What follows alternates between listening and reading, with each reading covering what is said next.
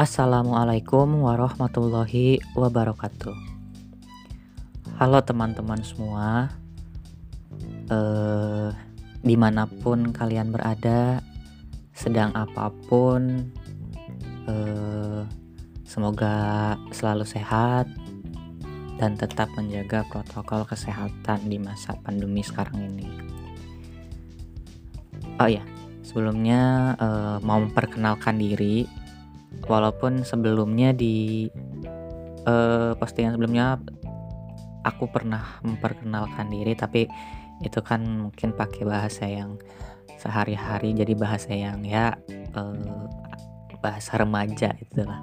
Tapi sekarang aku mau memperkenalkan diri lagi ya dengan bahasa ya yang lebih sopan itu. Uh, jadi nama aku Kiki Agustian. Uh, aku salah satu mahasiswa di perguruan tinggi eh, di perguruan tinggi negeri Tasik di Tasik itu Universitas Siliwangi. Aku lagi jalan semester 4 sekarang. Uh, aku dan aku tinggal di Bogor. Jadi karena sedang pandemi seperti ini uh, dan kegiatan perkuliahan pun dilakukan secara online dan sekarang aku lagi di rumah di sini di Bogor gitu. Kuliahnya juga di rumah. Oke. Kalau mengingat-ingat lagi ya uh, pandemi ini kan kita udah udah hampir uh, udah lebih dari setahun ya, udah udah jalan lebih set, udah jalan lebih dari setahun ya mengingat dulu akhirnya kegiatan-kegiatan yang dilakukan oleh masyarakat gitu. Pada umumnya akhirnya harus dilakukan secara di rumah. Seperti hmm, kegiatan sekolah ya sekolah perkuliahan dilakukan secara daring gitu. Dan pekerjaan pun seperti pabrik pabrik atau perusahaan yang mengharuskan bekerja di rumah work, work from home. Bahkan mungkin ada perusahaan yang ya terpaksa mereka harus uh, mengurangi beberapa karyawan mereka gitu. Yang akhirnya orang-orang jadi tidak punya pekerjaan karena mereka terpaksa harus dikeluarkan dari pekerjaannya karena kebijakan yaitu, yaitu mengurangi mengurangi jumlah karyawan.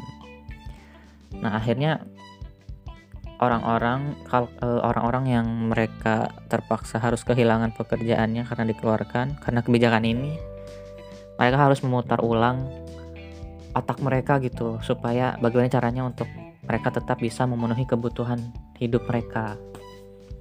Nah, bicara tentang kebutuhan, pada dasarnya kebutuhan manusia itu ya berkaitan dengan kelangsungan hidupnya, kelangsungan hidup manusia itu. Jadi uh, apabila ini seseorang itu sudah terpenuhi kebutuhan akan sandang, pangan dan papan. Sandang, sandang tuh ya uh, kebutuhan akan pakaian kita gitu. Uh, apa yang kita kenakan. Pangan berarti apa yang kita makan. Dan papan itu maksudnya ya tempat tinggal gitu, rumah.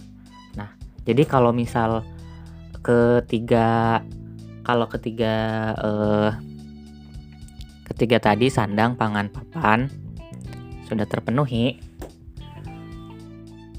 eh, maka orang akan berpikir untuk mereka untuk memenuhi kebutuhan yang lainnya. Gitu.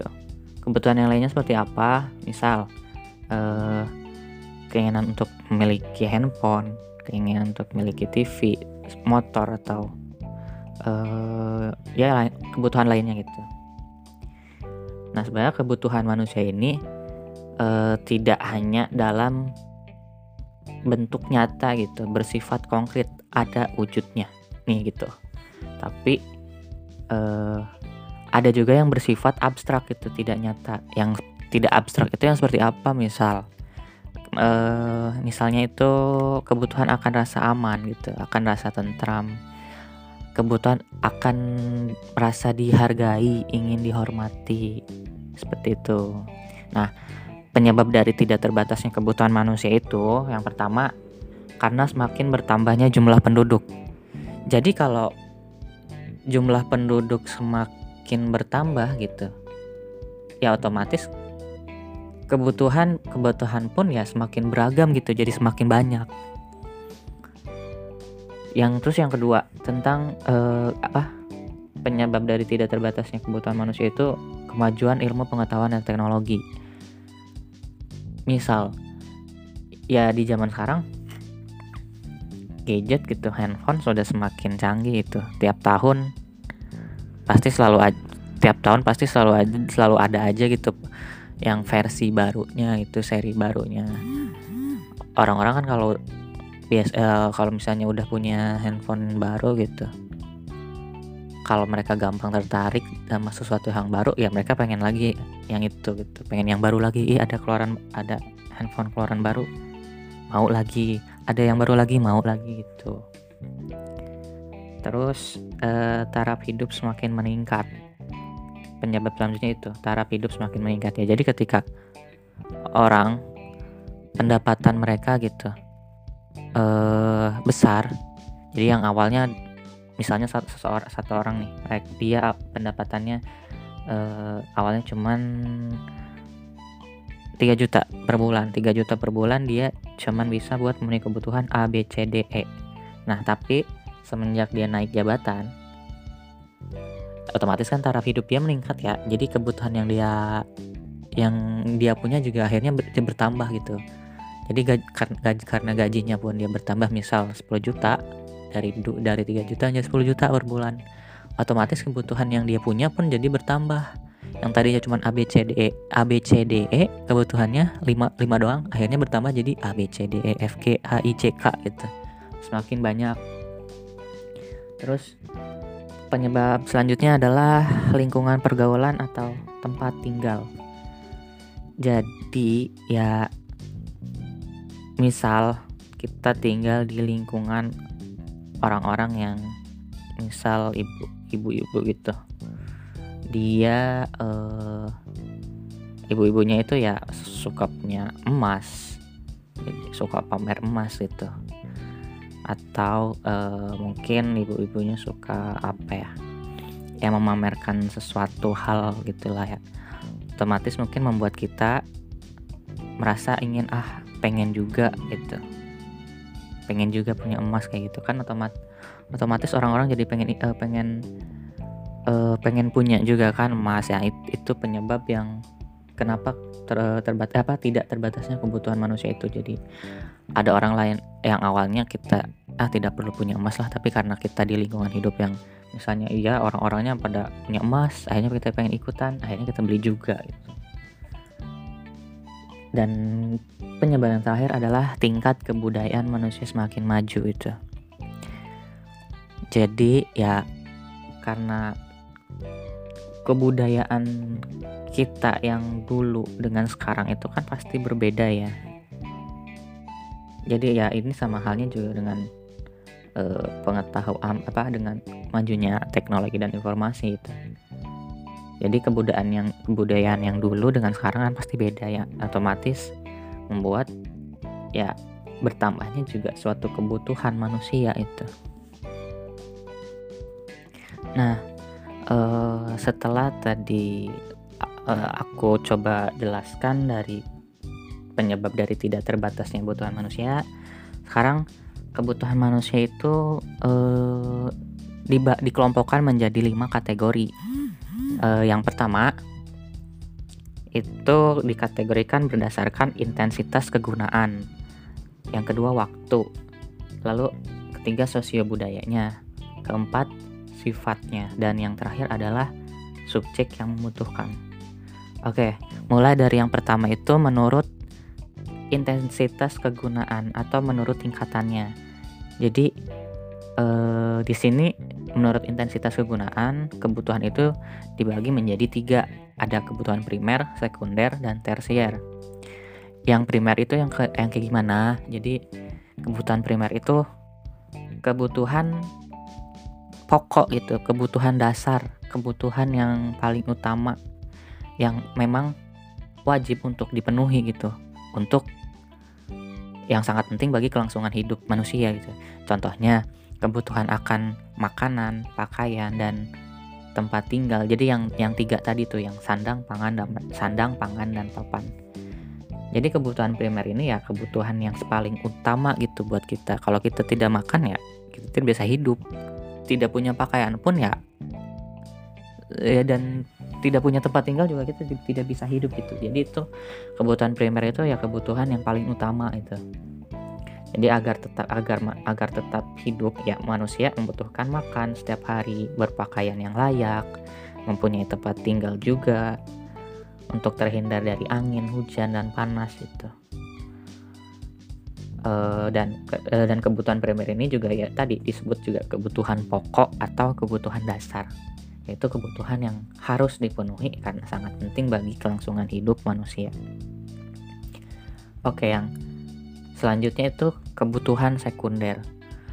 Hmm, kebutuhan sekunder ini adalah kebutuhan yang muncul setelah kebutuhan primer ini terpenuhi itu. Jadi contohnya kebutuhan sekunder itu yang tadi yang radio, meja, televisi, handphone, tempat tidur atau kasur, sofa gitu yang sebagainya. Jadi kebutuhan ini tuh eh, apa ya? Bisa terpenuhi kalau yang memang primernya itu ya sudah sudah terpenuhi gitu bisa kita lakukan kalau yang primernya sudah terpenuhi tapi sebenarnya kebutuhan sekunder ini tidak tidak begitu penting gitu untuk diwujudkan ya kalau berdasarkan yang saya baca ya tapi uh, tapi namanya manusia lah ya ya. Balik lagi ke kodratnya. Kalau kita udah punya uh, kalau kita udah udah punya sesuatu ya kita ingin punya hak ingin ingin memenuhi yang lain gitu. Ya itu udah kodratnya manusia gitu udah lumrah. Iya jadi uh, sudah kodratnya manusia kalau udah kalau udah punya sesuatu pengen yang lain gitu. Ya walaupun dalam buku gitu kebutuhan sekunder itu yang, seben yang sebenarnya tidak begitu penting tapi ya ya kali gitu hmm, kita uh, bisa makan bisa uh, apa bisa makan, punya pakaian, punya rumah ya. Kita punya rumah nggak ada isinya, nggak ada meja, nggak ada televisi, nggak ada radio, nggak ada kursi, kan nggak mungkin. Jadi sebenarnya kalau menurut saya, menurut aku kebutuhan sekunder itu ya perlu untuk di perlu untuk diterpenuhi gitu. Penting juga kalau menurut aku mah. Gitu. Oke, kalau kebutuhan yang selanjutnya adalah kebutuhan tersier. Ini kebutuhan tersier ini adalah kebutuhan yang yang lebih mewah gitu seperti ingin punya villa, ingin punya mobil mewah, ingin punya kapal pers kapal pesiar. Pokoknya kebutuhan-kebutuhan yang mewah gitu, ingin punya emas juga seperti itu. Kebutuhan tersier ini ya kebutuhan yang bisa terpenuhi kalau kebutuhan primer sekundernya juga sudah terpenuhi gitu. Dan dalam memenuhi kebutuhan tersier ini sebenarnya berkenaan dengan status dengan status seseorang gitu. Dengan seseorang yang punya jabatan tinggi gitu. Mereka agar mereka merasa lebih dihargai dan lebih terpandang gitu. Jadi kebutuhan tersier ini ya tadi kebutuhan yang akan barang-barang mewah dan ini tuh berhubungan dengan jabatan seseorang status seseorang oke kategori yang selanjutnya adalah menurut waktu kalau menurut waktu ini dikelompokkan dikelompokkan lagi jadi tiga. Ada kebutuhan sekarang, kebutuhan mendesak, dan kebutuhan yang akan datang. Yang pertama, kebutuhan sekarang. Kebutuhan sekarang itu kebutuhan yang memang harus dipenuhi saat ini juga. Saat itu juga harus kita laksanakan gitu. Contohnya, ketika kita ingin makan, ya saat itu juga kita harus makan gitu. Ataupun tentang kesehatan, ya kalau kita lagi sakit ya segeralah kita untuk berobat gitu. Nah itu itu tuh kebutuhan. Jadi kalau kebutuhan pokok itu makan di waktu sedang lapar kalau kesehatan itu ya kita harus berobat ketika eh ya kita, apa berobat ketika kita yang memang lagi sakit. Jadi kebutuhan sekarang tuh ya memang yang harus dipenuhi saat itu juga gitu. Nah yang kedua adalah kebutuhan mendesak kalau kebutuhan mendesak ini adalah kebutuhan yang sifatnya itu secara tiba-tiba gitu, sangat kritis. Misalnya ketika ada misalnya e, bantuan kepada masyarakat gitu ya yang yang sedang terkena musibah, misal musibah banjir karena kemarin-kemarin kan lagi atau sekarang juga memang lagi musim hujan ya, jadi tahun banjir. atau bencana-bencana alam yang lainnya atau juga kebutuhan konsultasi kesehatan atau pengacara gitu nah itu kebutuhan mendesak lalu yang ketiga adalah kebutuhan yang akan datang kebutuhan yang akan datang ini eh, kebutuhan yang lebih mengarah kepada persiapan kita gitu untuk menghadapi kebutuhan yang akan datang gitu. Udah jadi udah dipersiapin dari sekarang untuk kebutuhan nanti suatu saat nanti gitu. E, misalnya, misalnya itu ya kebutuhan misalnya asuransi itu untuk tabungan hari tua misalnya kayak gitu. Kan ya amit-amit ya bang bayi gitu. Kalau kita dapat kecelakaan ya karena kita punya asuransi jadi kan nanti ya gampang gitu untuk mengurus-ngurusnya. Jadi contohnya seperti itu. E, kategori yang selanjutnya adalah menurut sosio dan budaya. Sosial dan budaya ini dibagi menjadi dua. Ada kebutuhan sosial dan yang kedua adalah kebutuhan psikologis. Yang kebutuhan sosial ini eh, adalah begini ya dalam hidup masyarakat itu manusia kan biasanya punya status ya atau kedudukan tertentu. Yang mengharuskan itu dia untuk punyai atau melaksanakan berbagai hal supaya dia dipandang layak atau pantas. Misalnya eh, memberikan sumbangan gitu pada yang membutuhkan jadi misalnya se seorang pegawai negeri yang dia memberikan sumbangan pada yang membutuhkan itu. Jadi lebih kebutuhan sosial ini lebih ke apa ya lebih ke tim apa timbul karena ada tuntutan pergaulan gitu. Karena hidup bermasyarakat gitu. Terus yang kedua ada kebutuhan psikologis. Kebutuhan psikologis ini e, lebih berkenaan dengan sifat rohani gitu e, lebih ke sifat rohani gitu sehingga ini tuh tidak bersifat ekonomis dan tidak semuanya dapat dipenuhi dengan usaha ekonomi juga kalau kebutuhan yang psikologis ini. Misalnya kebutuhan akan rasa aman, kebahagiaan, ketentraman, kebebasan. Itu kan eh, kebutuhan-kebutuhan itu kan jadi untuk meng, untuk menjaga psikologis kita ya kesehatan jiwa kita gitu. Jadi sebenarnya walaupun meskipun kebutuhan kebutuhan-kebutuhan yang tadi yang aku sebutkan rasa aman, bahagiaan, tentram, bebas itu tidak bersifat ekonomis atau tidak bersifat tidak bersifat ekonomis itu tidak dapat dibeli dengan uang ya. Tapi tetap saja ada segi ekonominya sih atau sangat berpengaruh gitu terhadap perilaku seorang di bidang ekonomi. Misalnya eh, kebutuhan untuk membentuk rumah tangga itu kan ya memerlukan perlengkapan rumah tangga gitu. Memperlang, mem, apa, memper, uh, mem, memerlukan perlengkapan rumah tangga yang dengan uang yang tidak sedikit gitu. Jadi sebenarnya masih ada hubungannya sih dengan dengan ekonomi gitu. Oke lalu yang selanjutnya menurut kategori selanjutnya menurut sifat kalau menurut sifat ini dibedakan jadi dua juga ada kebutuhan jasmani atau material dan yang kedua adalah kebutuhan rohani atau non material. Yang kebutuhan jasmani atau material ini ya kebutuhan kita seorang manusia untuk menjaga badan kita gitu, untuk memelihara kesehatan fisik kita, badan kita agar tetap sehat gitu. Apalagi zaman sekarang kan banyak banget gitu ya eh, tempat-tempat kegiatan kebugaran jasmani gitu. Setiap daerah pasti punya. Gitu. Nah itu kebutuhan jasmani itu untuk kebutuhan yang rohani uh, kebutuhan rohani ini atau disebut juga ya non material itu uh, sifatnya tidak berwujud ya jadi kebutuhan rohani ini lebih ke tuntutan perasaan seseorang atau etika dan keyakinan seseorang demi terpenuhinya kepuasan batin. Misalnya kebutuhan seseorang gitu untuk mereka merasa aman, nyaman, ada yang menjaga gitu mereka membutuhkan suatu keyakinan, suatu agama atau kepercayaan tertentu gitu. Jadi kebutuhan untuk memeluk agama atau kepercayaan tertentu menjadikan seseorang pasti merasa tentram dan punyai dan mempunyai pegangan atau pedoman dalam hidupnya seperti itu. Uh, dan Oke, menu eee, menurut kategori yang terakhir adalah menurut subjek yang membutuhkan. Menurut subjek yang membutuhkan ini dibagi dua, ada kebutuhan individual dan kebutuhan kelompok atau kolektif. Yang kebutuhan individual ini gimana? Jadi kebutuhan individual itu ya berhubungan langsung atau diperuntukkan bagi ya perseorangan untuk satu orang. Karena manusia itu kan makhluk individu ya, makhluk pribadi. Jadi kepentingan suatu seseorang pun atau kebutuhan seseorang tiap orang pun pasti beda-beda. Misalnya, kebutuhan pakaian seorang guru berbeda juga dengan pakaian seorang petani atau buruh pabrik gitu.